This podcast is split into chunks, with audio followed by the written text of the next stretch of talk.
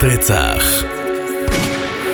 סדרת פודקאסטים על רוצחים סדרתיים, עם מאיה גזית ושי מגל.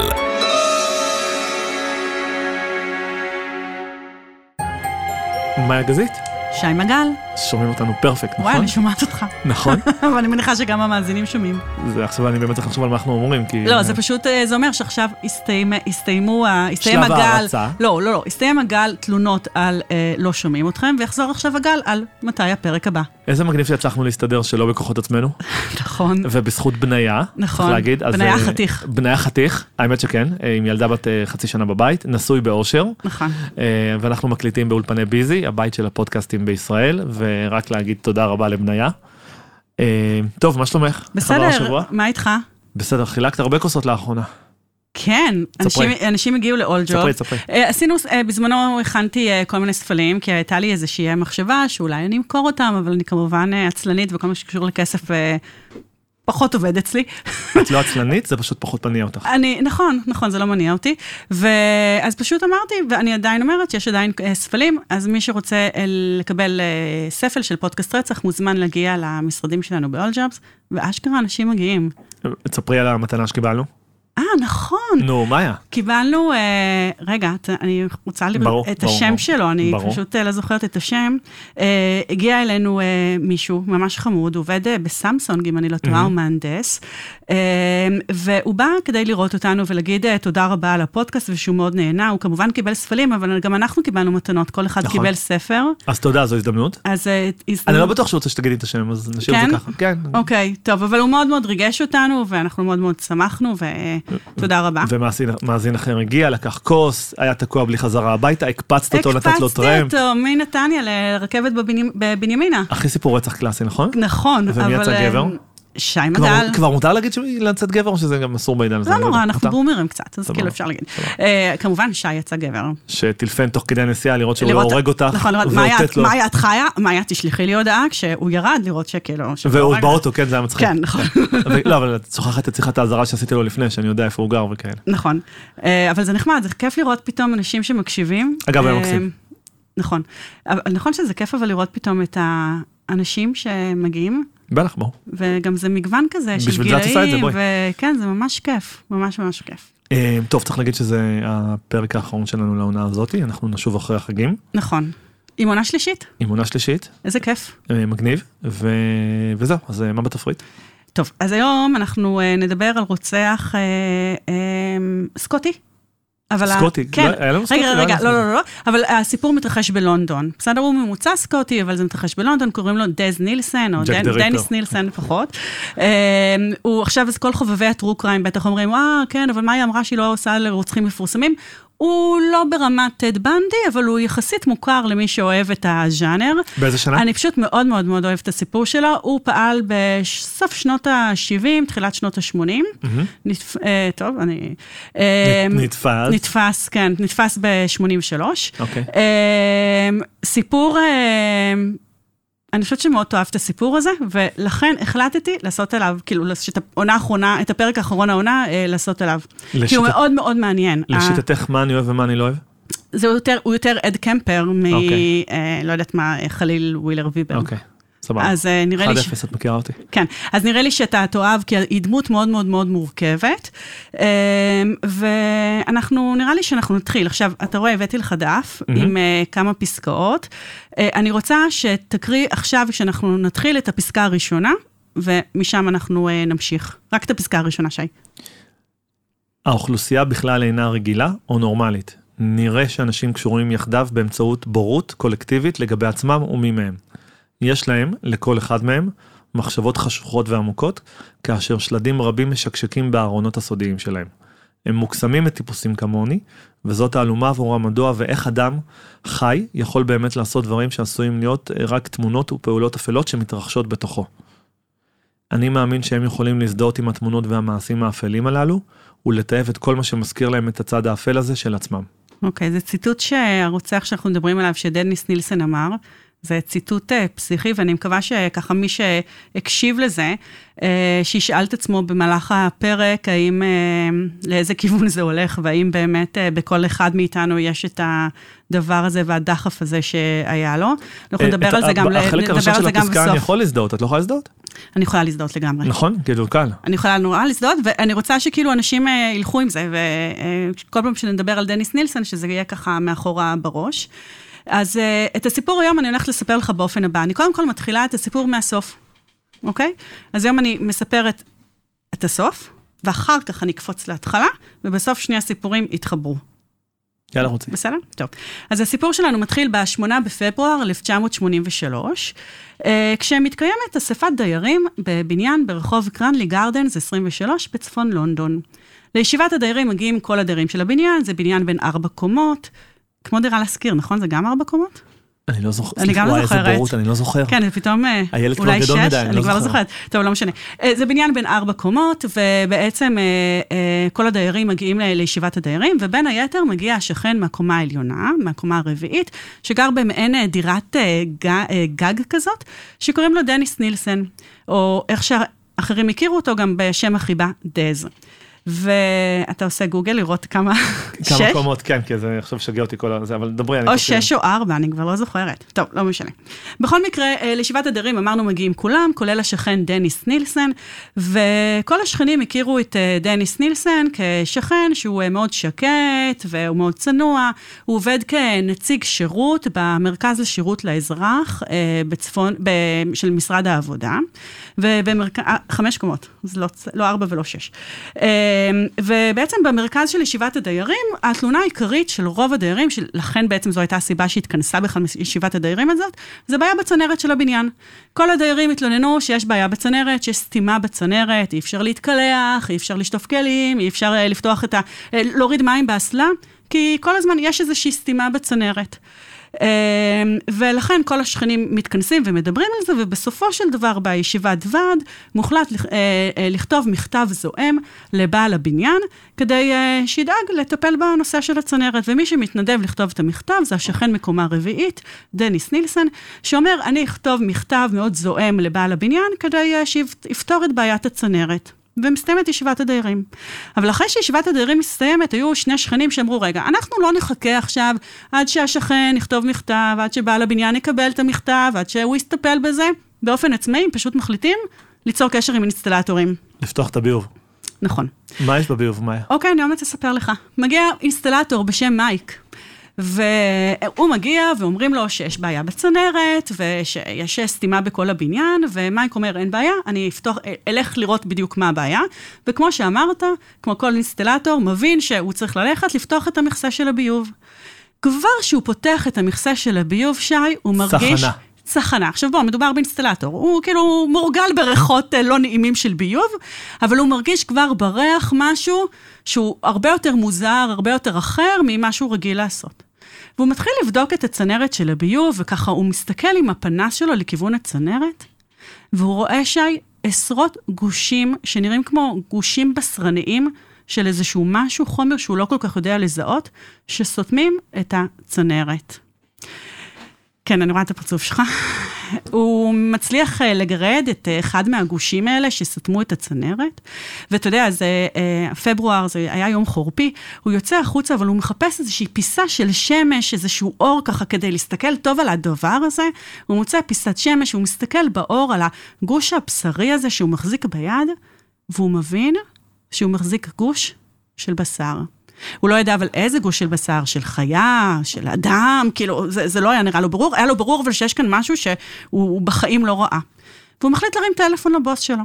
מתקשר לבוס שלו, הוא מספר לו את הסיפור, הבוס שלו ככה שומע, זה נשמע לו מאוד מוזר, הוא אומר לו, אתה יודע מה?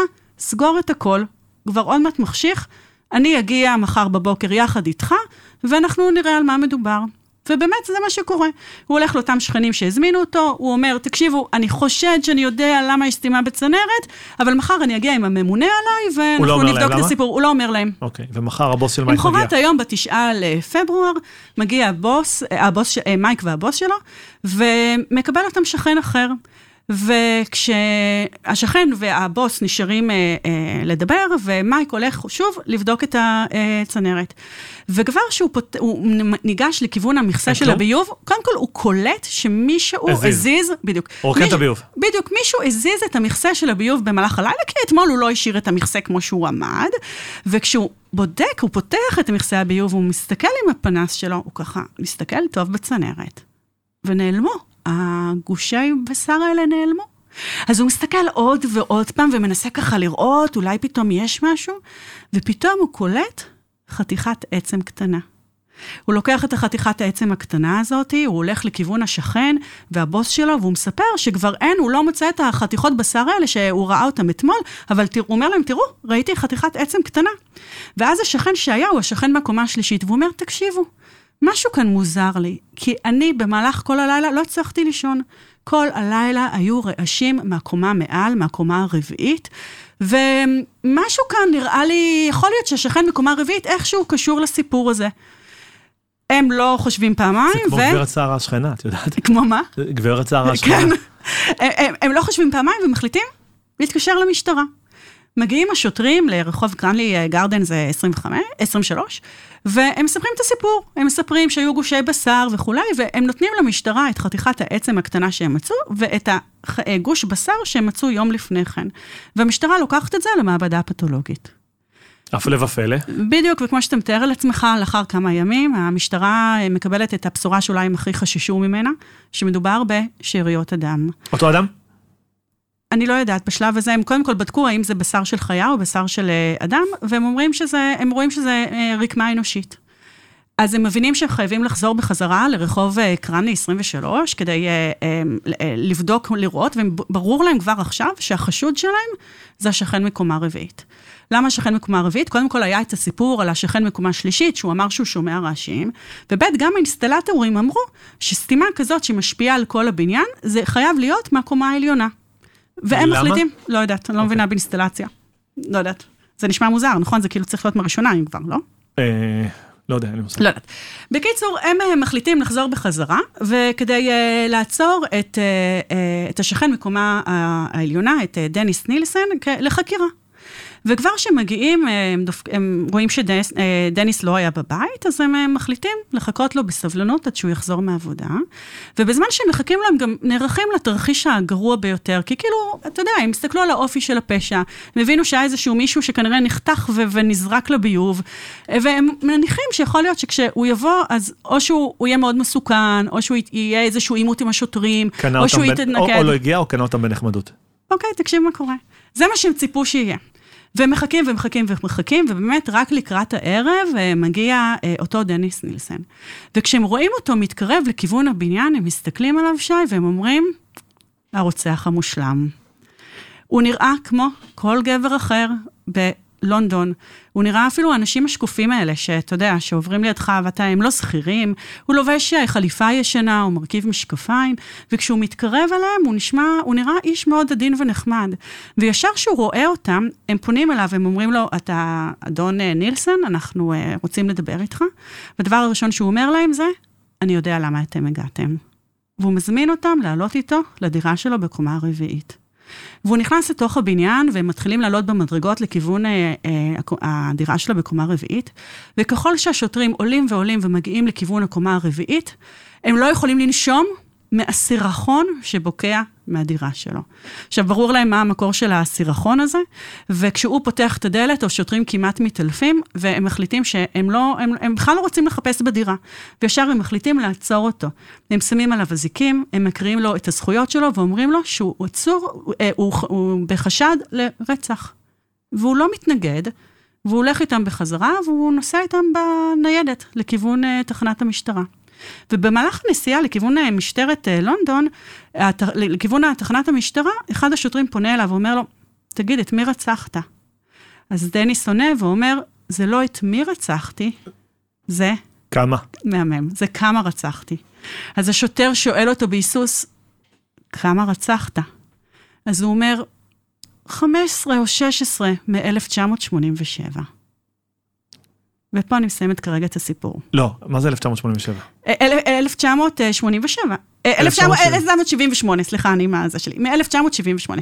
כלומר, אה, אנחנו עכשיו ב-1983, אוקיי? והוא אמר, אה, 15 או 16, הוא אפילו גם לא היה סגור בדיוק מה לא הבנתי, את המספר. כולם הוא ביטר בדירה? אני אספר לך עכשיו מה קרה. ועכשיו אני עוצרת ומתחילה מההתחלה עד שנגיע לסיפור הזה, ואז אני אמשיך הלאה. רגע, שנייה לפני. אה, היה ריח, הייתה צחנה, השכנים לא שמו לב? השכנים לא אמרו שום דבר. באמת? לא, כן, כן. זה במ- פסיכי. נכון. הוא היה הקומה האחרונה? הוא היה קומה האחרונה, הוא לא גר הרבה זמן בדירה הזאת. אז כאילו אף אחד לא עלה אתה, למעלה? אתה, אתה, רגע, אתה, אתה, אני כבר עכשיו אגיד לך רמז, זו לא, זו הייתה, זו לא הייתה הדירה העיקרית שבה הוא רצח. אוקיי, סבבה. בסדר? אז אה, זו הייתה הסיבה, אבל אני, נתח, אני אתחיל לספר את הסיפור, אז הדברים קצת יסתדרו.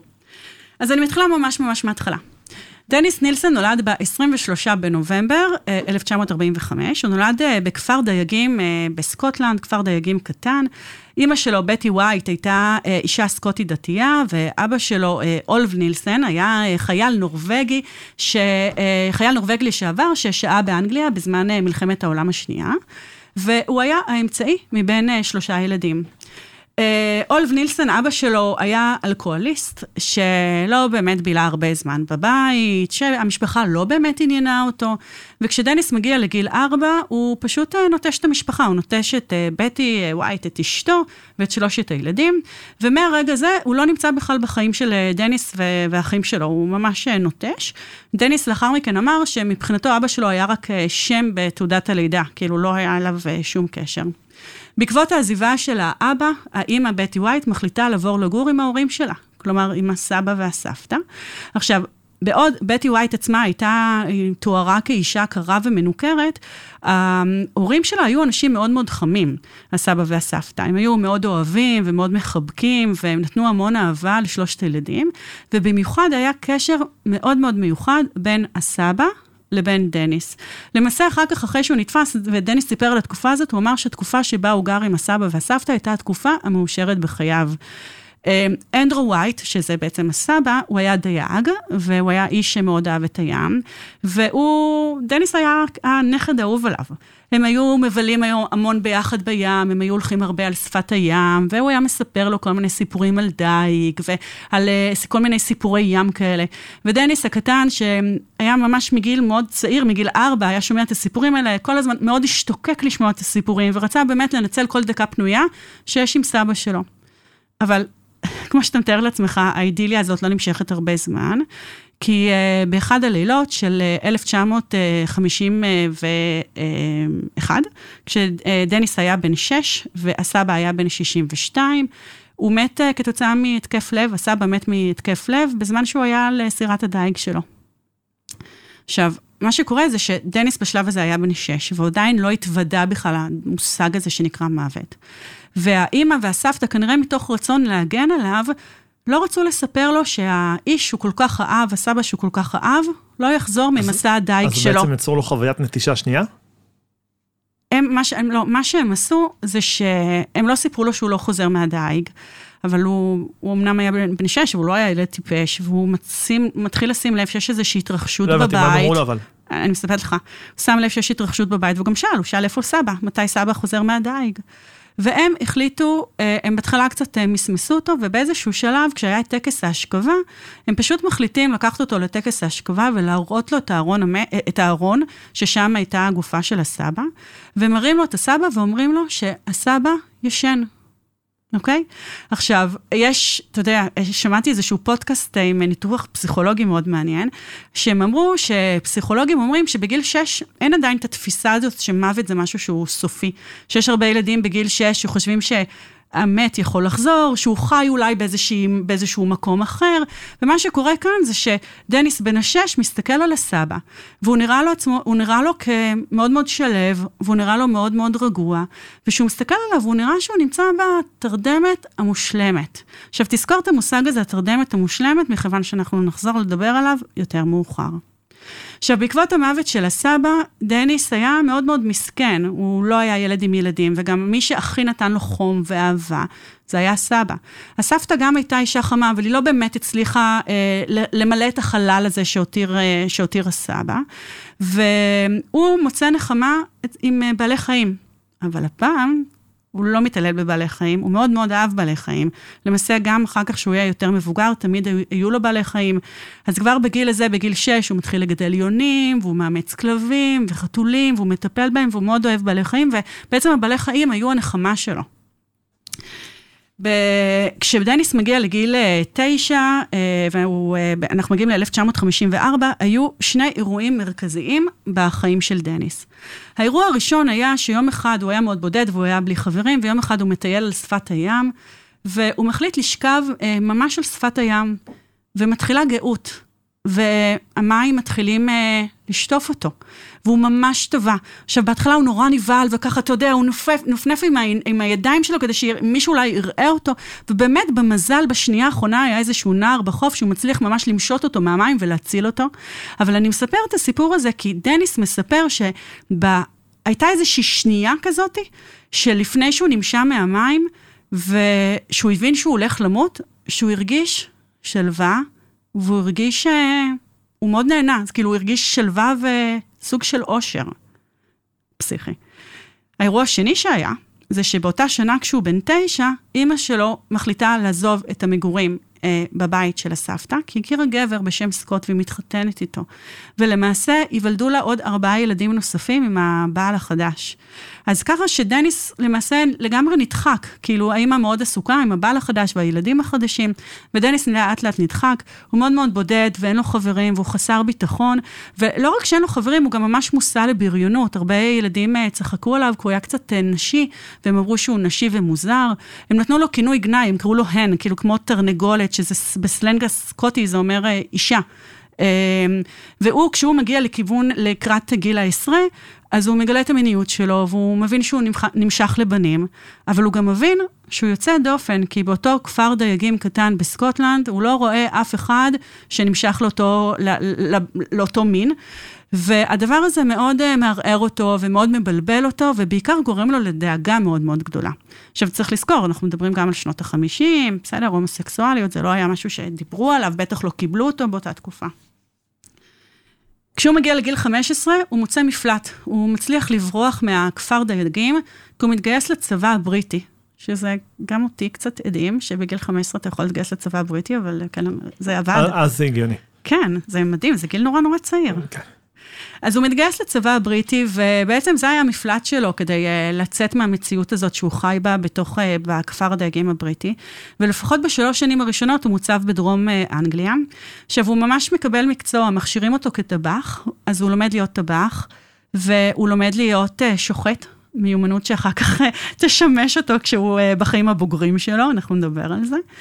ובצבא מאוד טוב לו. עכשיו, למרות המשמעת המאוד מאוד מאוד נוקשה, בצבא הוא מרגיש שייך. עכשיו, צריך לציין, זה לא שפתאום יהיו לו חברים, הוא לא הפך להיות אה, מסמר הערב, בסדר? לא היו לו חברים, אבל לפחות לא הקניטו אותו ולא הציקו לו.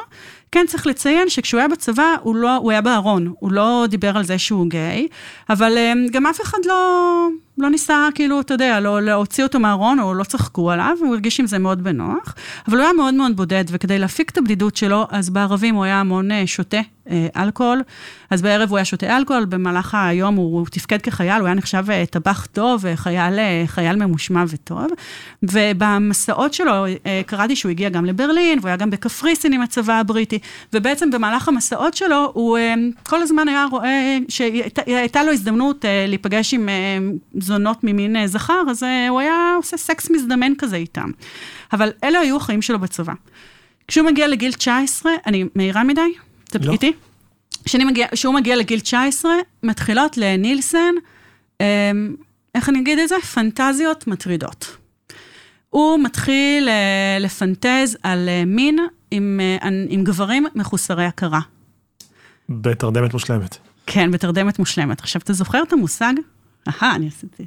זוכר? Okay. אוקיי. אתה זוכר שעשינו את הפרק על ברבי וקן, אז שאלת אותי, אה, מאיה, איך קוראים למושג הזה ולא ידעתי? ואז אה, נכון, נכון, הצענו, נכון. הצענו ספל למישהו שלימד אותנו, אז אני כבר עכשיו יודעת שזה נקרא סומנופיליה, mm-hmm. שזה לעשות אה, מין עם, עם מישהו שהוא מחוסר הכרה, וזו הייתה הפנטזיה שלו. עכשיו, הוא פינטז את זה, אבל באיזשהו שלב כבר הפנטזיה הזאת, היא כבר לא גירתה אותו, והוא הרגיש שהוא צריך משהו ויז'ואל יותר. אז הוא היה מתפשט ושוכב ערום מול המראה, אבל בצורה כזאת שהוא רואה רק את הגוף שלו והוא לא ראה את הראש שלו, והוא היה מאונן מול המראה ומדמיין שהוא עושה אה, מין עם מישהו שהוא מחוסר הכרה. ובאיזשהו שלב גם הפנטזיה הזאת כבר פחות ריגשה אותו, והוא התחיל לפנטז על סקס עם גופות, כאילו ממש נרוקופיליה. וגם אז זה כבר לא כל כך סיפק אותו, אז מה שהוא עשה, הוא היה פשוט מתפשט, והוא היה לוקח טלק וממש אה, ככה... טופח טלק על הגוף שלו כדי לצבוע את הגוף שלו בצבע לבן. כדי לראות מת כאילו? כדי לראות מת. הוא היה שוכב מול המראה, ובעצם אה, מאונן, והוא מפנטז שהוא שוכב עם אה, גופה. וזה מה שהוא עשה כשהוא וואו. היה... כן, זה מה שהוא עשה כשהוא היה בצבא. עכשיו, באיזשהו שלב בצבא, אה, הוא היה משכנע כל מיני אה, חברים שהיו לו, לשחק אה, משחק של מלחמה. ובמלחמה הזאת... מישהו מת. בדיוק! היו חיילים שמתו. ואז מה שהוא עשה, הוא פשוט היה לוקח מצלמה, והוא היה מצלם את החיילים, כאילו, כאילו מתים. לצרכים שלו אחר כך בבית. בדיוק, ואז הוא היה משתמש בתמונות האלה, ומפנטז ומאונן על התמונות האלה, באיזושהי מחשבה שמדובר בחיילים. כשהתחלת להקליט, בניה צילם אותך, רק שתדעי. מה? כן, בניה צילם אותך אה, בהתחלה. אוקיי, אז למה, למה, איך זה לא יודע, אה. אחר כך בבית, סתם, לא. את איטית, מאיה, מה קורה? לא, אוקיי, אני פשוט מדמיינת את נילסון שוכב ערום. לא, עם הטלק, הכנסתי טלק לראש, כן. אוי, צעקתי, כן. טוב, אז אה, זה מה שקורה, בסדר? כשאנחנו מגיעים ל-1971, הוא בן 26 והוא משתחרר מהצבא. הוא למעשה משתחרר מהצבא אחרי 11 שנות שירות. כשהוא משתחרר מהצבא, ברור לו לחלוטין שהוא לא חוזר לאותו כפר דייגים אה, בסקוטלנד, שהיה לו שם אה, ממש ממש רע, אה, והוא מחליט להשתקע בלונדון. עכשיו, כשהוא משתקע בלונדון, יש לך ניחוש מה הוא הולך לעשות, במה הוא הולך לעבוד? אני אתן לך רמז? או קצב. לא. שנייה. אני, אני, אני אתן לך רמז. אתה זוכר שאמרתי לך שהיה לו מאוד טוב בצבא, למרות הנוקשות, כאילו, הוא הרגיש שייך. אה, למרות שלא היו לו שם חברים. משטרה? אבל למרות... כן. אוקיי. הוא הופך להיות שוטר. הוא הופך להיות שוטר? כן, אבל הוא, הופך, הוא הולך להיות אה, שוטר במשטרת המטרופוליטן של אה, לונדון. סבבה, זה שוטר כן, לכל, שוטר לכל דבר. למה אבל? למה לא, לא, לא, אבל זה יותר רבתי כזה, יותר רבתי, כן. אבל הוא הולך להיות שוטר. אה, כי זה נראה לו כאילו מאוד טבעי, מין מעבר טבעי כזה מהמסגרת הצבאית אה, למסגרת, נכון? זה הגיוני לגמרי. נכון, נכון, נכון. וכמו שאמרתי, הוא משתקע בלונדון, ובלונדון הוא כבר חי לא תחת העיניים הבוחנות של, לא של האנשים, הילדים שגדלו איתו והקניטו אותו, ולא תחת העיניים הבוחנות של החיילים האחרים שהיו איתו. ונכון, והוא אדון לעצמו, והוא מגלה את עצמו, ואנחנו מדברים על תחילת שנות ה-70, ומתחילה סצנת הגייז בלונדון, וסצנת הברים, והוא פשוט אה, מתחיל כל ערב לעבור בברים, ולשתות. לשתות וכאילו להיות, לחיות. לחיות, באמת לחיות. אבל מה שקורה זה שמהר מאוד הוא מוצא את עצמו ב... באותה דילמה. בדילמה. אבל, אבל מה הדילמה? אנחנו מדברים על שנות ה-70, תחילת שנות ה-70, הומוסקסואליות עדיין הייתה, היה מחוץ לחוק. והוא היה שוטר, והוא מרגיש שיש סתירה בין המחויבות המקצועית שלו לבין הזהות האישית שלו, הזהות המינית שלו. והשיא מגיע ששנתיים לאחר מכן, אה, ב-1973, יום אחד אה, הוא, במסגרת התפקיד שלו כשוטר, הוא סייר ברחוב, והוא רואה רכב חשוד. זה היה בשעות הערב, הוא מאיר עם הפנס. שני גברים? בדיוק. הוא מאיר עם הפנס עליו. הצטרף? לא, שי. לא יודע, סליחה. אפשר לראות את זה בעריכה אחר כך? לא. אה, הוא מאיר עם הפנס שלו על הרכב החשוד, והוא ראה שני גברים הומוסקסואלים מקיימים יחסי מין. והוא לא דיווח. לא רק שהוא לא דיווח, הוא גם לא עצר אותם. הוא לא עצר אותם, הוא לא דיווח, הוא היה צריך לעצור אותם, אבל זה היה רגע מכונן, כי אז הוא הבין, אני לא יכול להיות במשחק הזה. אני לא יכול, אני כאילו, הזהות האישית שלי והמינית שלי, אני רוצה, אני, אני רוצה להרגיש חופשי. ולכן הוא מחליט להתפטר מהמשטרה. בעריכה אחר כך, אז תקפצו ישר ל"הוא לא דיווח", בסדר? לא, אנחנו לא מורידים את זה, שי. סבבה, אני אחזיר לך את זה. מה, זה מצחיק, אין בעיה, תחזיר לי. סבבה. בסדר גמור. טוב, אז אה, מה? כלום, אוקיי. תתקדמי. אמ, אז הוא בעצם משתחרר מהצבא. אה, סליחה, מהמשטרה. וכשהוא משתחרר מהמשטרה, הוא, מחל... הוא מתקבל לעבודה אחרת, והוא מתחיל אה, לעבוד בתפקיד של, כפקיד ממשלתי. הוא הולך להיות נציג שירות במשרד אה, לשירות לאזרח של אה, משרד העבודה. תפקיד כזה מאוד אפור ומשעמם, אבל הוא עובד שם אה, תקופה מאוד מאוד ממושכת. ובעצם הוא חי כאילו חיים מאוד קיצוניים. כאילו מצד אחד בבוקר הוא עושה את העבודה האפורה שלו במשרד הממשלתי. תמצית הייאוש. נכון, ובערב הוא שותה ושוכב עם גברים, כל מיני סקס מזדמן כזה, עם גברים שהוא פוגש בברים. ואנחנו מגיעים ל-1975, והוא בן 30, וכשהוא בן 30 הוא פוגש את דיוויד, ודיוויד הופך להיות הבן זוג של אה, אה, דניס נילסון. הראשון שלו פורמלית? נכון. אוקיי. אוקיי. למעשה זו פעם ראשונה שהוא נמצא במערכת אה, יחסים זוגית, אינטימית, ארוכת טווח, מחייבת. והקשר שלו עם דיוויד, הם, הם ממש מאושרים ביחד. קודם כל, הם עוברים לגור ביחד. הם עוברים לגור ביחד באיזשהו פרבר של לונדון, בצפון לונדון, ברחוב מלרוז פלייס. הם עוברים לגור בדירת גן עם חצר מאוד מאוד גדולה. הם מאמצים כלבה בשם בליפ, שאגב תלווה את נילסון, את נילסון לאורך כל, ה, כל, כל החיים שלה. אז הם מאמצים את ה... היא לא חלק מהסיפור, נכון? היא לא חלק מהסיפור. אוקיי, כבר ראיתי לאן זה הולך. כן, לא, לא, לא. הם מאמצים את, את הכלבה, והוא קונה גם מין מצרטת וידאו כזאת, והם מבלים ביחד, הם גם, הם מאוד מאוד אוהבים לטפל בגינה, כמו כל בריטי אולי.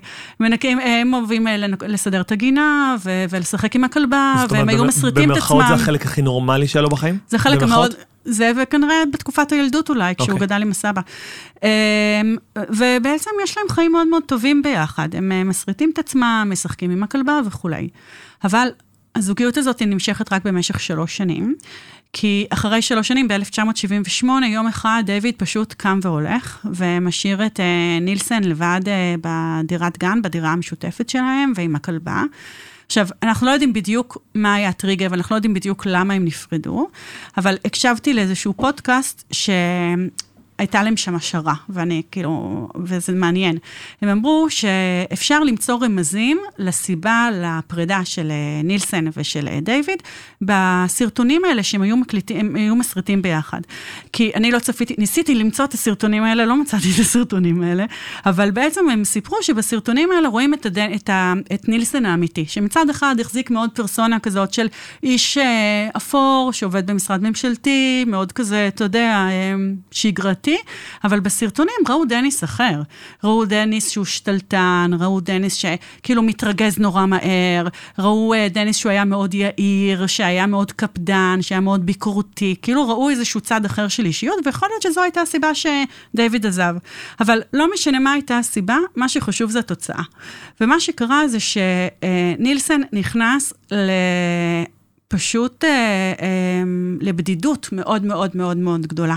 אחרי שדייוויד עזב. הוא שוב מוצא את עצמו לבד, הוא נכנס לבדידות מאוד מאוד גדולה, והוא ממש שוקע בדיכאון.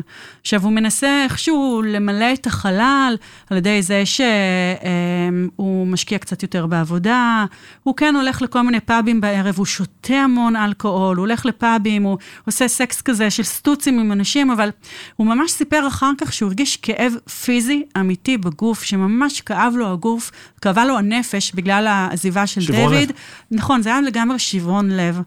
והוא היה כל כך שבור לב, שבעצם הדרך היחידה שלו להתמודד עם, ה, עם הכאבים האלה ועם הדיכאון והשברון לב, היה באמצעות אותן פנטזיות שהיו לו בגיל 19, אה, חזרו עכשיו בגיל 33. באמת הייתה להם פאוזה לכמה שנים? כן. כן, זאת אומרת, כשהוא היה בתוך הזוגיות? והיה לו טוב עם דיוויד, אז זה היה רדום? הפנטזיות לא היו. מדהים. כן. ועכשיו פתאום הודחקו. אוקיי? ועכשיו פשוט אותן פנטזיות מגיל 19 התחילו לחזור, וזה הייתה, זה היה, בהתחלה הוא מצא בזה עידוד, אבל עכשיו הוא כבר לא חייל בן 19 שנמצא בחוקים, עכשיו הוא גבר בן 33, אמ, והוא מחליט אה, לקחת את הפנטזיה הזאת ושהיא תרקום, כאילו, להפוך אותה למציאות. ואנחנו מגיעים אה, ל-30 אה, בדצמבר 1978, ואנחנו יוצאים בחג, ודניס נילסן נמצא לבד בבית, וכולם חוגגים את הסילבסטר, וכולם נהנים, והוא לבד, ואין לו זוגיות, ואין לו חברה, והוא פשוט אה, מחליט אה, לצאת מהבית וללכת בערב אה, לפאב, כדי לחגוג את, ה, את החג ולא להיות לבד. וכשהוא נכנס לפאב, אז הוא רואה ממש בקצה של הפאב, הוא רואה את סטיבן הולמס. סטיבן הולמס היה נער, הוא היה כולה בן 14, Uh, הוא היה נער ממוצא אירי, ילד מרדן, שהגיע ללונדון בעקבות אה, להקת רוק שהוא מאוד מאוד אהב, והוא הגיע לקונצרט של, ה, של הלהקה. והוא נורא נהנה בקונצרט, והיה לו נורא נורא כיף, וככה, אחרי ההופעה הוא ככה מחליט לנסות את מזלו, לראות אם הברמן יסכים למכור לו בירה, למרות שהוא היה רק בן 14, והוא נכנס לפאב והוא מתיישב על, ה, על, ה, על ה, אתה יודע, על הבר, ודניס נילסון, למרות שהוא זיהה שמדובר בנער צעיר, הוא זורם והוא יושב ומתחיל לדבר איתו. זה בר גיל או גיא בר? לא, זה היה ברגיל. אוקיי. והוא מתחיל לדבר איתו. עכשיו, אותו אה, סטיבן הולמס אה, היה מאוד מוחמא. אתה יודע, שגבר בן 33 מדבר איתו כשווה בין שווים, שמתייחס אליו כגבר ולא כילד או כנער.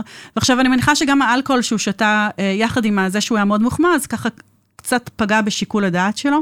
כך שכשנילסון מציע לו לבוא אליו הביתה כדי להמשיך לשתות בחינם, אז הוא לא מצליח לזהות את הכוונות האמיתיות שלו, והוא מסכים. והוא מזמין אותו אה, אליו לדירה ברחוב אה, מלרוז פלייס, דירת, אה, דירת הגג, הגן. והדירה עכשיו כבר פחות נקייה ופחות מטופחת, כמו שהיא הייתה בתקופה שהוא. החזיק את הזוגיות יחד עם דיוויד. וכשהוא מגיע לשם, אז הוא מציע לסטיבן לשתות, והם באמת שותים ביחד, הם לא שוכבים, אוקיי? הם רק שותים ביחד, ובאיזשהו שלב שניהם נופלים על המיטה ונרדמים. ולמחרת הבוקר מתעורר, אה, דניס מתעורר ראשון, והוא רואה לצידו את אה, סטיבן הולמס, בן ה-14, ישן. והוא מסתכל עליו, והוא מוקסם מהנעורים שלו. נורא. והוא מתחיל אה, ללטף אותו, והוא מתחיל לנשק אותו, אבל בזמן שהוא עושה את זה, הוא גם מבין שברגע שסטיבן יתעורר, הוא יקום והוא ילך, הוא לא יישאר. והוא מאוד מאוד רצה להשאיר את סטיבן, הוא לא, מבחינתו זה לא היה אופציה אפילו שהוא ילך. אז מבלי שסטיבן שם לב, הוא פתאום אה, רואה עניבה בקצה של החדר, והוא לוקח את העניבה ולאט לאט, מבלי שסטיבן מתעורר, הוא מצליח להשחיל את העניבה מתחת לעורף שלו. ואז שי, ממש בתנועה פתאומית, הוא מתיישב על ה... על ה, על ה ממש מתיישב על סטיבן, והוא מתחיל למשוך את העניבה ולמשוך את העניבה כדי לחנוק אותו, וסטיבן מתעורר, והוא קולט שהוא מנסה לחנוק אותו, והוא מנסה לטלטל, אתה יודע, לטלטל אותו ולתת לו בעיטות כדי שיעוף ממנו. ומתחיל ממש מאבק בין סטיבן לבין אה, אה, נילסון, ובאיזשהו שלב שניהם נופלים מהמיטה על הרצפה, ו... אבל נילסון שהיה יותר חזק, מצליח קצת להכניע אותו. הוא מושך בעניבה והוא רואה שסטיבן מפסיק להתנגד. הוא מסתכל עליו, הוא רואה שהוא מחוסר הכרה. כי הוא עדיין... מחוסר הכרה? מחוסר הכרה, הוא עדיין היה, עדיין נשם. אז הוא מסיים את העבודה על ידי זה שהוא הולך למטבח, הוא לוקח דלי, הוא ממלא את הדלי במים, והוא מטביע את הראש שלו, הוא בעצם מטביע אותו, מטביע את הראש שלו בתוך הדלי. ואז אה, הוא לוקח את אה, סטיבן, את הגופה של סטיבן כבר, והוא משכיב אותה על המיטה, וכשהוא מסתכל עליו, הוא, הוא, הוא רואה שהוא נמצא בתרדמה המושלמת, והוא נראה לו, הוא סיפר שזה היה המחזה הכי יפה שהוא ראה בחיים שלו. והוא מסתכל עליו, והוא מתחיל ללטף אותו, ולנשק אותו, ובאיזשהו שלב הוא מחליט להפשיט אותו. הוא מפשיט אותו מהבגדים שלו, הוא עושה לו הוא מכניס אותו למקלחת, הוא מקלח אותו, הוא מלביש, הוא מנגב אותו, הוא מלביש אותו מחדש, ואחר כך כשהוא נקי, הוא שם אותו שוב על המיטה. מניח. ובשל... סליחה, מניח אותו שוב על המיטה. והוא כבר מאוד מגורה בשלב הזה, אז הוא גם מאונן מעל הגופה של uh, סטיבן. ורק אחר כך הוא נשכב לצידו, מלטף אותו, והוא נרדם ללילה. למחרת הבוקר שהם מתעוררים, אחרי כל היום הזה שהוא טיפל בגופה של סטיבן, הוא מתעורר, ועכשיו הוא נבהל.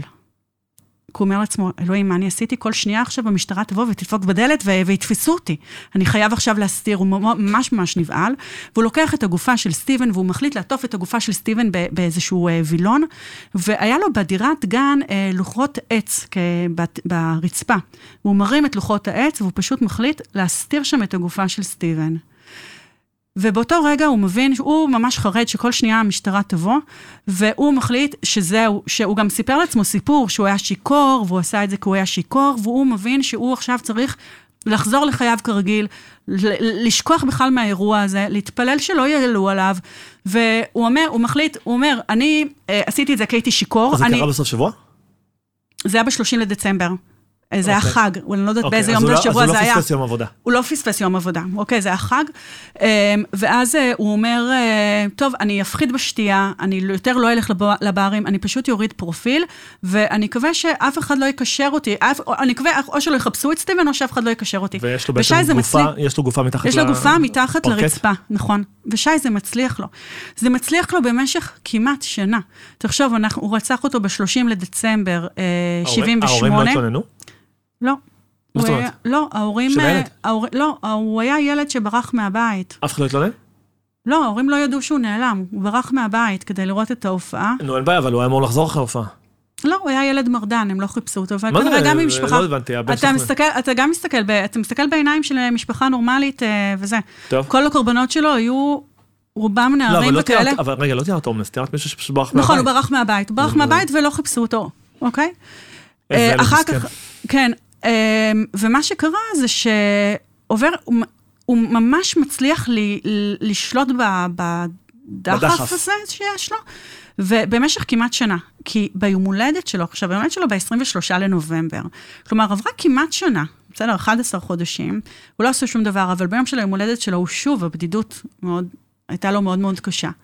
ובגלל שהוא כמעט התנזר, התנזר מאלכוהול במשך כמעט שנה, הוא מחליט ביום כל הולדת הזמן הזה שלו, הוא עדיין גר- גר במלרוז פלייס? כן, ויש גופה ל- ש... מתחת. ללוחות עץ, וואלה, נכון. אוקיי. ובמשך השנה הזאת הוא כמעט ולא שותה אלכוהול, הוא הולך לעבודה, הוא ממש מוריד פרופיל, הוא כמעט ולא הולך לברים, אבל ביום הולדת שלו הוא כבר מבין שאם עד עכשיו המשטרה לא יצרה איתו קשר, כפי הנראה היא גם לא תיצור איתו קשר. וביום של היום הולדת, בגיל 34, הוא מחליט הבא. לצאת, נכון, הוא מחליט לצאת לחגוג, והוא אומר, די, אני אה, מפסיק עם ההתנזרויות האלה, והוא מתחיל אה, לצאת לפאבים. והקורבן הבא שלו לא איחר לבוא, הוא נפגש בשלושה בדצמבר, אה, 78, עם, אה, הוא נפגש אה, עם קן. מי זה קן? קן היה סטודנט בן 23, והוא היה תייר מקנדה. והם נפגשים, אה, הם נפגשים, אה, מה אתה מחפש, שי? כלום. והם נפגשים אה, בפאב, והם אה, מתחילים לדבר, והוא אה, ככה מתחילים לדבר, והשיחה איכשהו מתגל, מתגלגלת למוזיקה, ודניס נילסון מספר לקן שהלהקה שהוא מאוד אוהב, ביררתי מה הלהקה, קיור, סתם לא. דהו. דהו? כן. לא הייתי כזה רחוק. כן. אה, הלהקה שהוא מאוד אוהב, יש לו תקליטים של הלהקה הזאת, ואם הוא מעוניין אה, לבוא אליו הביתה כדי... נכון רצית לשאול אותי איזה להקה? כי ברור, ביררתי. אוקיי. בגללי כאילו? בזכותי, לא בגללי. בזכותך, כן, כי ידעתי שאתה תשאל. אמ, והוא מזמין אותו לבוא אליו הביתה כדי אה, להקשיב לתקליטים ולעשות, לאכול ביחד. ובאמת זה מה שקורה, הם מגיעים הביתה וכן נמצא בסלון והוא מקשיב למוזיקה ודניס הולך למטבח והוא מכין ארוחת לא ערב, הבנתי, אין צחנה בדירה? הוא לא מרגיש את הצחנה, טוב. כנראה. ומתחיל, אה, ו- והאמת שלדניס מאוד מאוד מאוד נחמד. קודם כל, סוף סוף מישהו ממש אה, רואה אותו, מתעניין בו, צוחק מהבדיחות שלו, יש לו סבלנות לסיפורי הצבא שהוא מספר, וכאילו הוא מרגיש שנורא כיף לו עם כן, ומאוד זורם ומאוד נחמד. אבל הייתה בעיה אחת.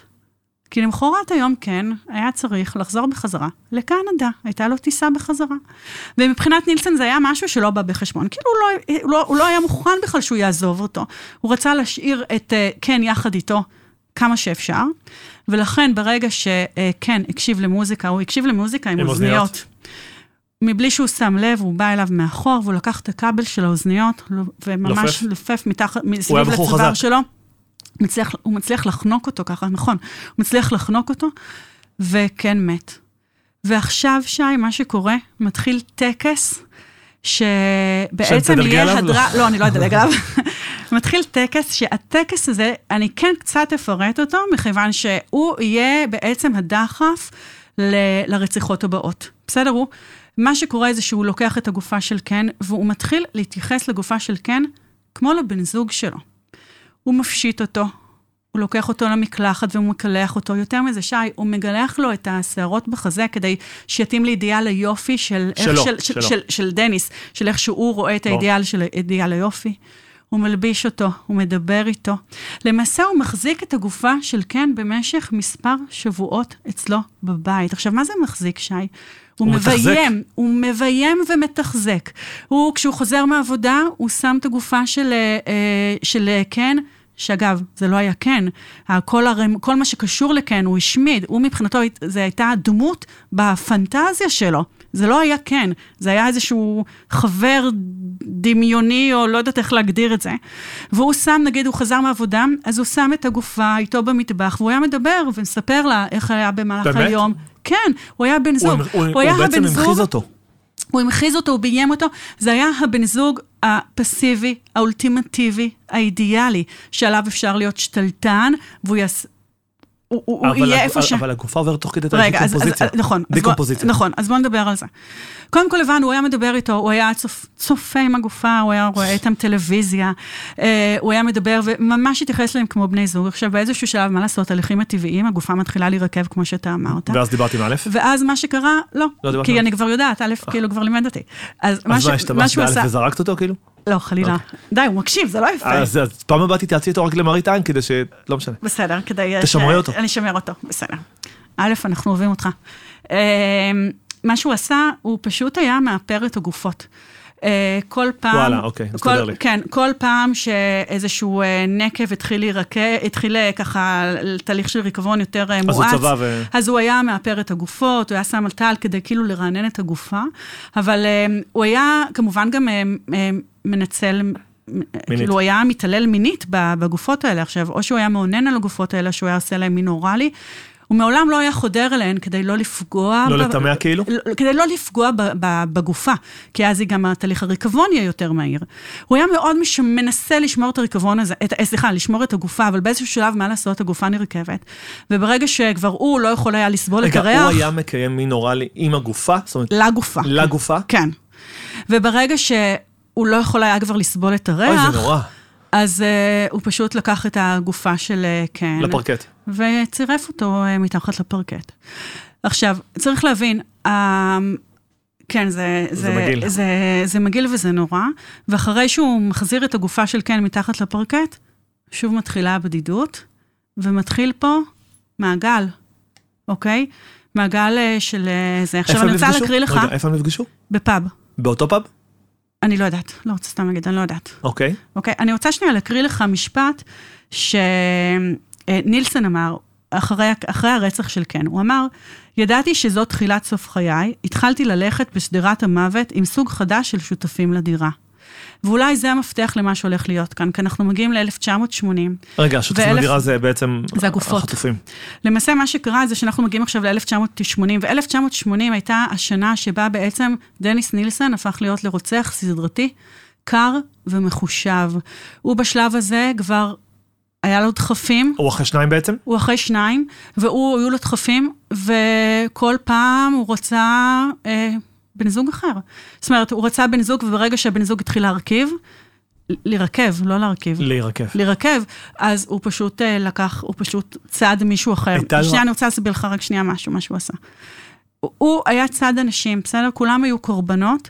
אה, כל הקורבנות היו אנשי, כמו שאתה מתאר לעצמך, אני אני אוהבת לקרוא להם אנשי שוליים, אה, כל מיני גברים ונערים שאו שברחו מהבית או נפלטו מהבית, או הומלסים או נרקומנים. אה, מה שחשוב להגיד, זאת אומרת, אנשים של, שאם הם ייעלמו, אף אחד לא, לא ישאל שאלות. אבל מה שחשוב להגיד זה שלא כולם היו גייז, בסדר? למעשה, הוא לא שכב עם אף אחד מהקורבנות שלו לפני שהוא רצח אותם, אוקיי? אבל לכל אחד הוא היה מספיק חכם כדי להציע לכל אחד את מה שבדיוק הוא רצה. אחד, הוא ידע שהוא ירצה לדבר על מוזיקה, ולכן הוא יבוא אליו הביתה. הוא ידע שהשני ירצה ארוחה חמה. השלישי, הוא ידע שהוא ירצה מיטה חמה לישון. זאת אומרת, הוא ידע להציע לכל אחד את מה שהוא רצה לשמוע, כדי לצוד אותם ולהביא אותם אליו הביתה.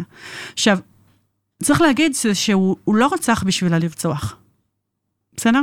הוא רצח בגלל התוצר לוואי, הוא רצח בגלל, ה... בגלל שהוא היה מעוניין בגופה. תאורטית, אם הוא היה יכול להרדים אותם, הוא היה עושה את הוא זה. היה עושה את זה. נכון. הוא לא, הוא לא נהנה, אתה יודע, דיברנו בפודקאסט על המון רוצחים סדרתיים, דיברנו על רוצחים שלפעמים רצחו לשם הרצח, שרצחו כדי, אה, פשוט כי מאוד נהנו מהמעשה עצמו. פה זה היה, זאת לא הייתה המטרה. המטרה הייתה להשיג זה את ה... האמצעי. נכון, זה האמצעי. להשיג את הגופה, כדי שהגופה בעצם, אה, להפיג לו את הבדידות. הייתה לו העדפה לאיך הם נראים? כן, יופי, שאלה טובה. הוא מאוד מאוד. אהב... שי. אה, הוא הוא מאוד אהב אה, גברים אה, צעירים וחלקים. בגלל זה הוא גם גילח. נכון, נכון. לכן הוא היה... לכן הוא היה מגלח אותם, כדי שהם אה, יתאימו לאידיאל היופי של מה שהוא אהב. עכשיו, הוא היה צד אותם לפי משהו, לפי איך שהתאים לו לפנטזיה כאילו שלו, של בויש, הבן כאילו? זוג שלו, כאילו. אוקיי. אמ, והוא פשוט היה חוזר כל הזמן על אותו טקס, זאת אומרת, הוא היה מדבר עם הגופות, הוא היה, הוא, הוא כמו בן זוג שלא עונה. ו- ובכל מה שהוא דיבר איתם הם היו על תקן בני זוג כאילו? הם בני זוג. הוא, אוקיי. הם היו בני זוג, אבל הם היו פונקציה בתוך, הפנ... זאת, בתוך הפנטזיה שלו. הם לא היו האנשים האלה. יותר מזה, שי, הוא לא בירר, הוא לא עניין אותם. אחר כך שהוא נתפס, הוא לא, אפילו לא זכר את השמות שלהם. חלקם הוא לא ידע מה השמות שלהם, הם לא עניינו אותו, הם היו פונקציה. בשביל, אה, כדי, כדי להוות גופה, כדי שהגופה הזאת תהיה כאילו הבן זוג שלו. אף אחד לא התנגד או ברח? לא, אף אחד לא התנגד או בר- כאילו או התנגדו ברח. כן, אבל לא ברחו. נכון. טוב. עכשיו, אמ, ואז בעצם זה נהיה מין אה, לופ כזה ומעגל כזה של בדידות, לצוד, לשמר גופה ו- ולהתנהל ככה עם הגופות. וכל פעם שהגופה הייתה נרכבת, הוא היה מכניס מתחת ללוחות העץ, רק שבאיזשהו שלב גם כבר לא היה מקום תחת... המטראז' אה, נעלם. כן, בדיוק לא היה מקום בלוחות העץ. ואז הוא התחיל לוותר את הגופות. הוא היה מוותר את הגופות, ואז הוא היה שם חלקים מתחת לספה ובארון. אה, עדיין בבית. הוא לא נפטר, מה- בבית. הוא לא נפטר, מה- עד עד איזה גופה הוא לא נפטר? כי כשהוא הגיע לביוב הוא כבר נפטר. יופי. לא, רגע, הוא עדיין, אנחנו מדברים ב- על הדירת גן, כן. במלרוז פלייס. ושם לא היה ביוב. ושם לא היה ביוב. שם אז עדיין אנחנו לא הגענו לדירה שהתחלנו איתה את הסיפור. לא, זה ברור, אבל... בסדר, אוקיי, אבל אני- בסדר. אבל אני אני אספר לך את זה עכשיו. זו דירה בשכירות? כן, זהו. מה שקו- מה שקורה זה ש... שאלת אותי לכמה גופות, הוא הגיע ל-12 גופות. בכתובת הזו. ל-12 גופות, כן, בכתובת הזו. שמה שקורה זה שבאופן טבעי הדירה שלו הפכה להיות... אה, כאילו, מקדש. מה זה מקדש? סיר- סריחה, כאילו, ו- וזוהמה, והוא ניסה אה, להתמודד עם הסירחון ועם הזוהמה, הוא היה קונה קוטל חרקים, כי קודם כל מלא זבובים ורימות שהיו אצלו בדירה, אז הוא היה קונה קוטל חרקים כדי לנסות להתמודד עם הזבובים ועם הרימות, והוא היה קונה תרסיסי ריח, והוא היה משפריץ איזה 10-15 פעמים ביום את התרסיסי ריח, כדי שלא יהיה ריח רע. אבל כמובן שאי אפשר היה, זה לא באמת היה פתרון, והשכנים... מתחילים להתלונן, כי וואלה, יש, יש 12 גופות שהן נרקבות שם בדירה, אבל הם לא התלוננו לנילסן, הם הלכו ישירות לבעל הבית. הם הלכו לבית הבית, לבעל הבית, התלוננו על נילסן, ובעל הבית רק התקרב לכיוון, והוא אמר, הבן אדם הזה עף לי מהדירה. ואז הוא פשוט אילץ אותו אה, לעזוב את הדירה, ונתן לו דדליין. ואז הוא אמר, אוקיי, מה אני עושה עכשיו עם 12 גופות? ויום לפני שהוא נאלץ לאסוף את, הדור, את הדירה, הוא לקח אה, שקיות אשפה מאוד מאוד גדול- גדולות, הוא ממש אה, ריפד את הרצפה אה, במטבח, והתחיל להוציא את כל הגופות ולהתחיל לוותר אותם. הוא ביטר את הגופות לחלקים יחסית קטנים, ואת בדירה החלקים... עצמה? בדיר, בתוך? הדירה. עם מה? עם מסור? לא יודעת עם מה. זה אירוע אבל. כן, הוא עשה את זה. טוב. תזכור אבל שיש לו גם מיומנות, שהוא יודע גם איך לוותר. אוקיי. קראתי באיזשהו מקום, שאם מאזינים שלנו רוצים לדעת, לא, הוא אבל זה התחיל, עבודה. הוא התחיל, כן, הוא התחיל עם, התחיל עם האגפיים, עם הראש, זה עבודה. אבל. כן, והוא ביטר, לחלקים, ואז את כל האיברים הוא הכניס לתוך מזוודות. את המזוודות הוא הוציא לגינה. אתה זוכר, זה דירת. גן, הוא הוציא לגינה. עכשיו, חלק מהאיברים הוא קבר בדירת גן, חלק מהאיברים הוא פשוט זרק מאחורי הגדר כדי שיהיה לחיות הבר לאכול, וחלק הוא שרף.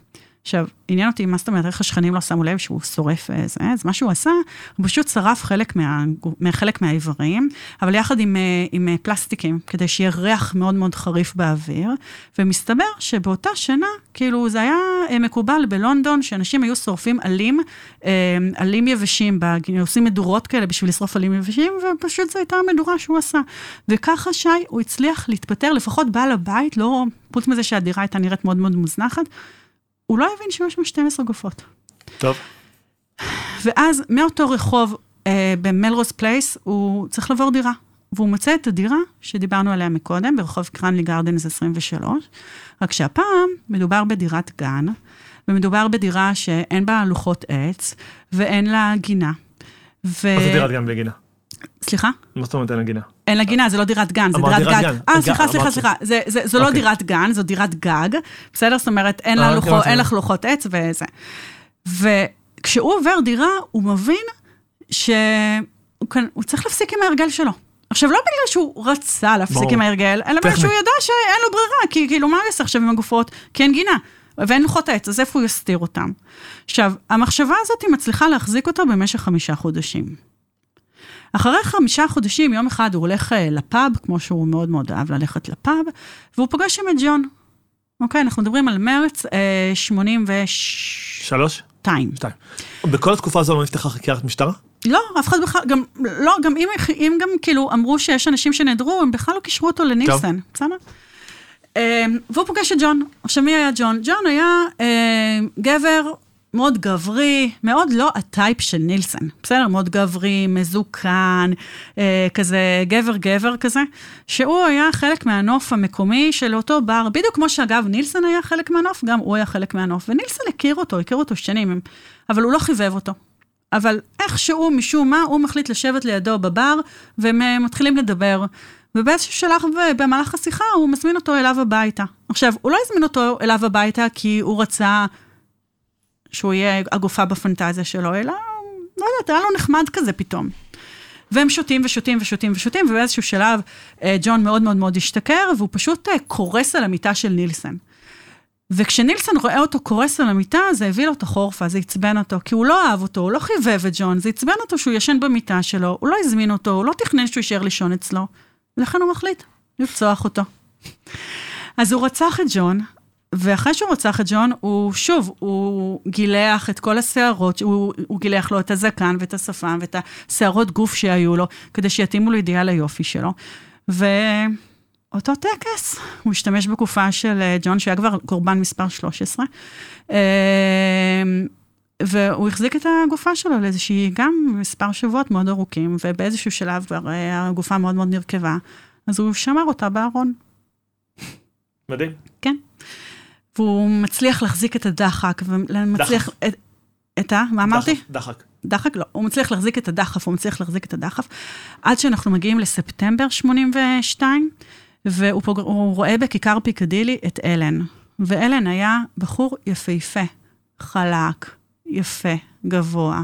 והוא היה הומלס, הוא היה גם נרקומן, והוא מסתכל עליו, הוא אומר, טוב, אני כאילו, אני חייב לצוד אותו.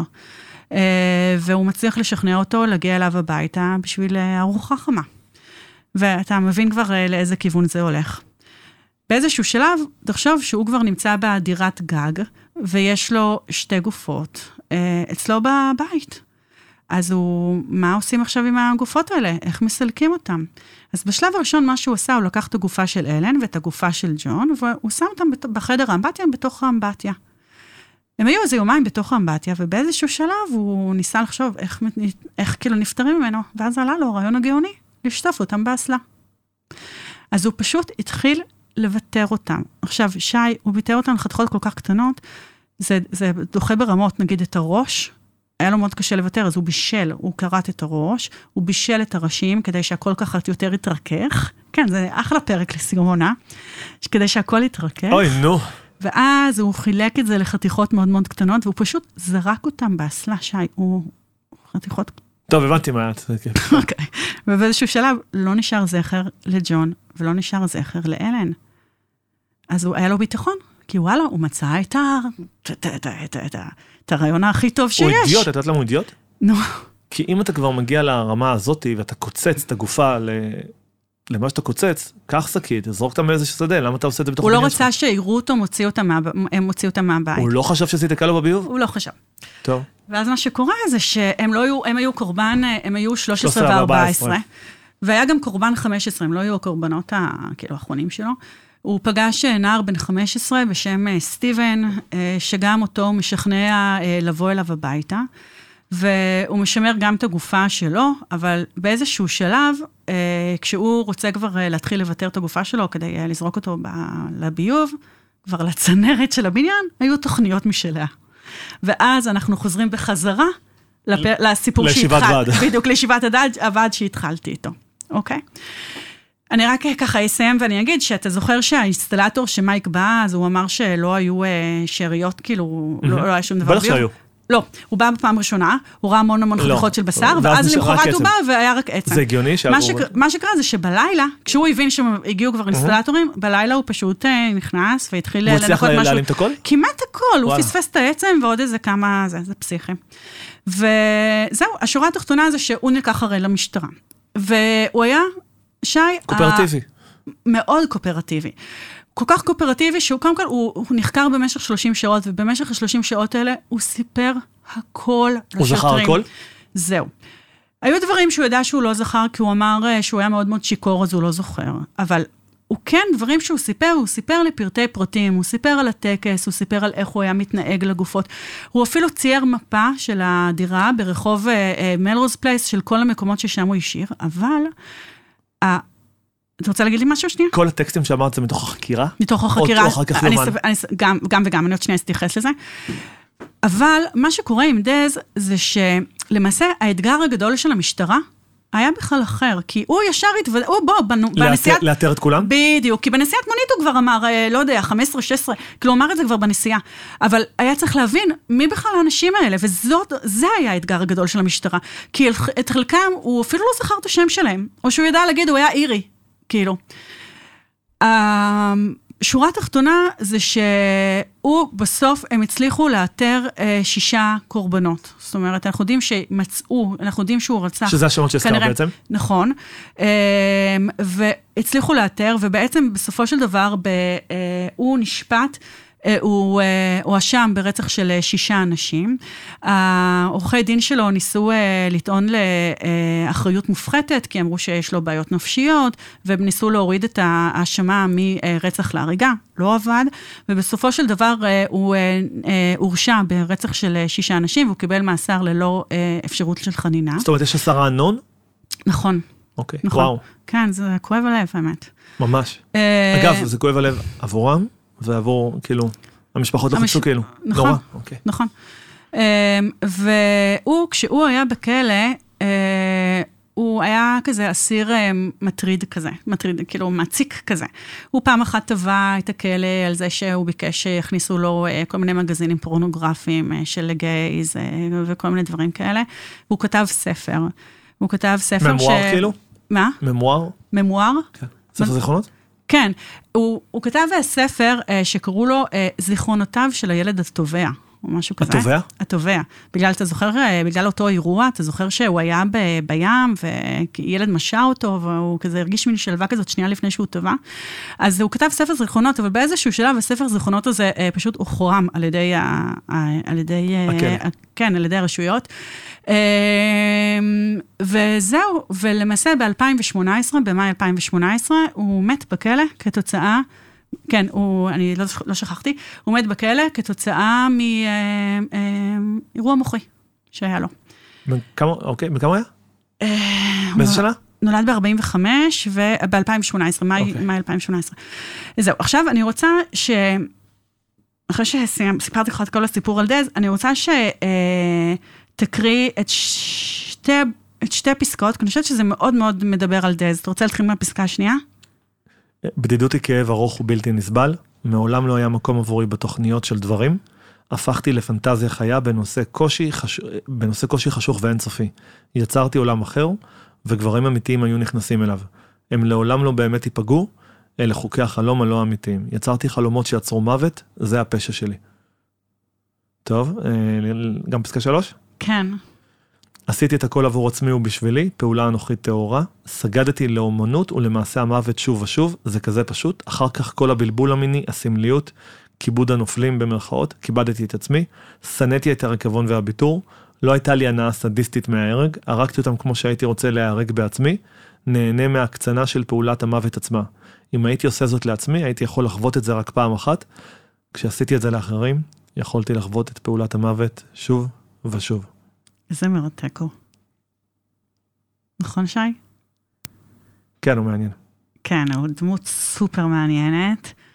אה, הוא לא סתם נקרא, אני לא אוהבת את הביטוי הזה, אה, אה, איך שקוראים לו כאילו הדאמר הבריטי, אבל הוא בעיניי מאוד דומה לדאמר. זה קטע שהתביעה התכתבה לו עם סבא שלו בארון. נכון. אז כאילו שני הסיפורים התאחדו לאחד. נכון. גם הנושא של המים, גם זה שאת uh, סטיבן הולמס, הבחור הראשון uh, שהוא uh, רצח, הוא גם הטביע אותו בדלי מים, והוא לא הסתפק ב, ב, בעצם לאנוס אותו כשהוא חסר הכרה. הוא, הוא העיד על זה שהוא חיכה שיעצרו אותו או שהוא לא חיכה לזה? הוא לא חיכה, הוא אמר שהוא היה ממשיך. הוא היה ממשיך, נכון? הצנר, כן, אם הצנרת לא הייתה נסתמת, הוא היה... או אם הוא היה עובר דירה. נכון, הוא זה, אבל once הם הגיעו, הוא ידע שזהו, נגמר הסיפור שלו. הוא לא היה עוצר לעולם. ברור, הוא לא היה עוצר לעולם. והוא גם לא היה סדיסט, זה כל הקטע, הוא באמת מעיד על עצמו שהוא לא היה סדיסט. כן, כן. הוא, הוא, הוא גם לא, אתה יודע, כמו שאמרתי, הוא לא רצח בשביל לרצוח. הוא, הוא לא יותר פשוט לקחת איזה... להסתפק בבובה. בובה, בדיוק, לקחת איזה בובת ראווה ולסגור את הסיפור. חבל שלא חשב על זה. כן, אבל זה פחות מעניין. כן, היא לא נרכבת. יופי, מאיה. זהו, זה הסיפור ש... לסוף... מתאים לסגור את העונה איתו. עונה... פרק 15. סוף עונה 15. 2. סך הכל 26, 25 פרקים, פלוס פרק בונוס. או פרק שאלות ותשובות, את הבונוס הכנסת או לא הכנסת? הפרק שלא רצינו לשדר ושידרנו כן, בסוף? ברור, נכנס- סבבה, הכנסתי אותו, אבל בעונה הראשונה, בעונה הראשונה כמה היו? עשרה פרקים? כן. אז זה 25 פרקים.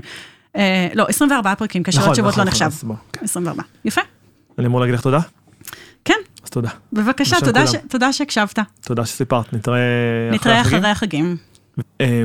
טוב, אז אנחנו צריכים להגיד גם תודה לבניה ולאולפני ביזי, שפה הקלטנו. תודה רבה. מקווה שהסאונד יצא טוב.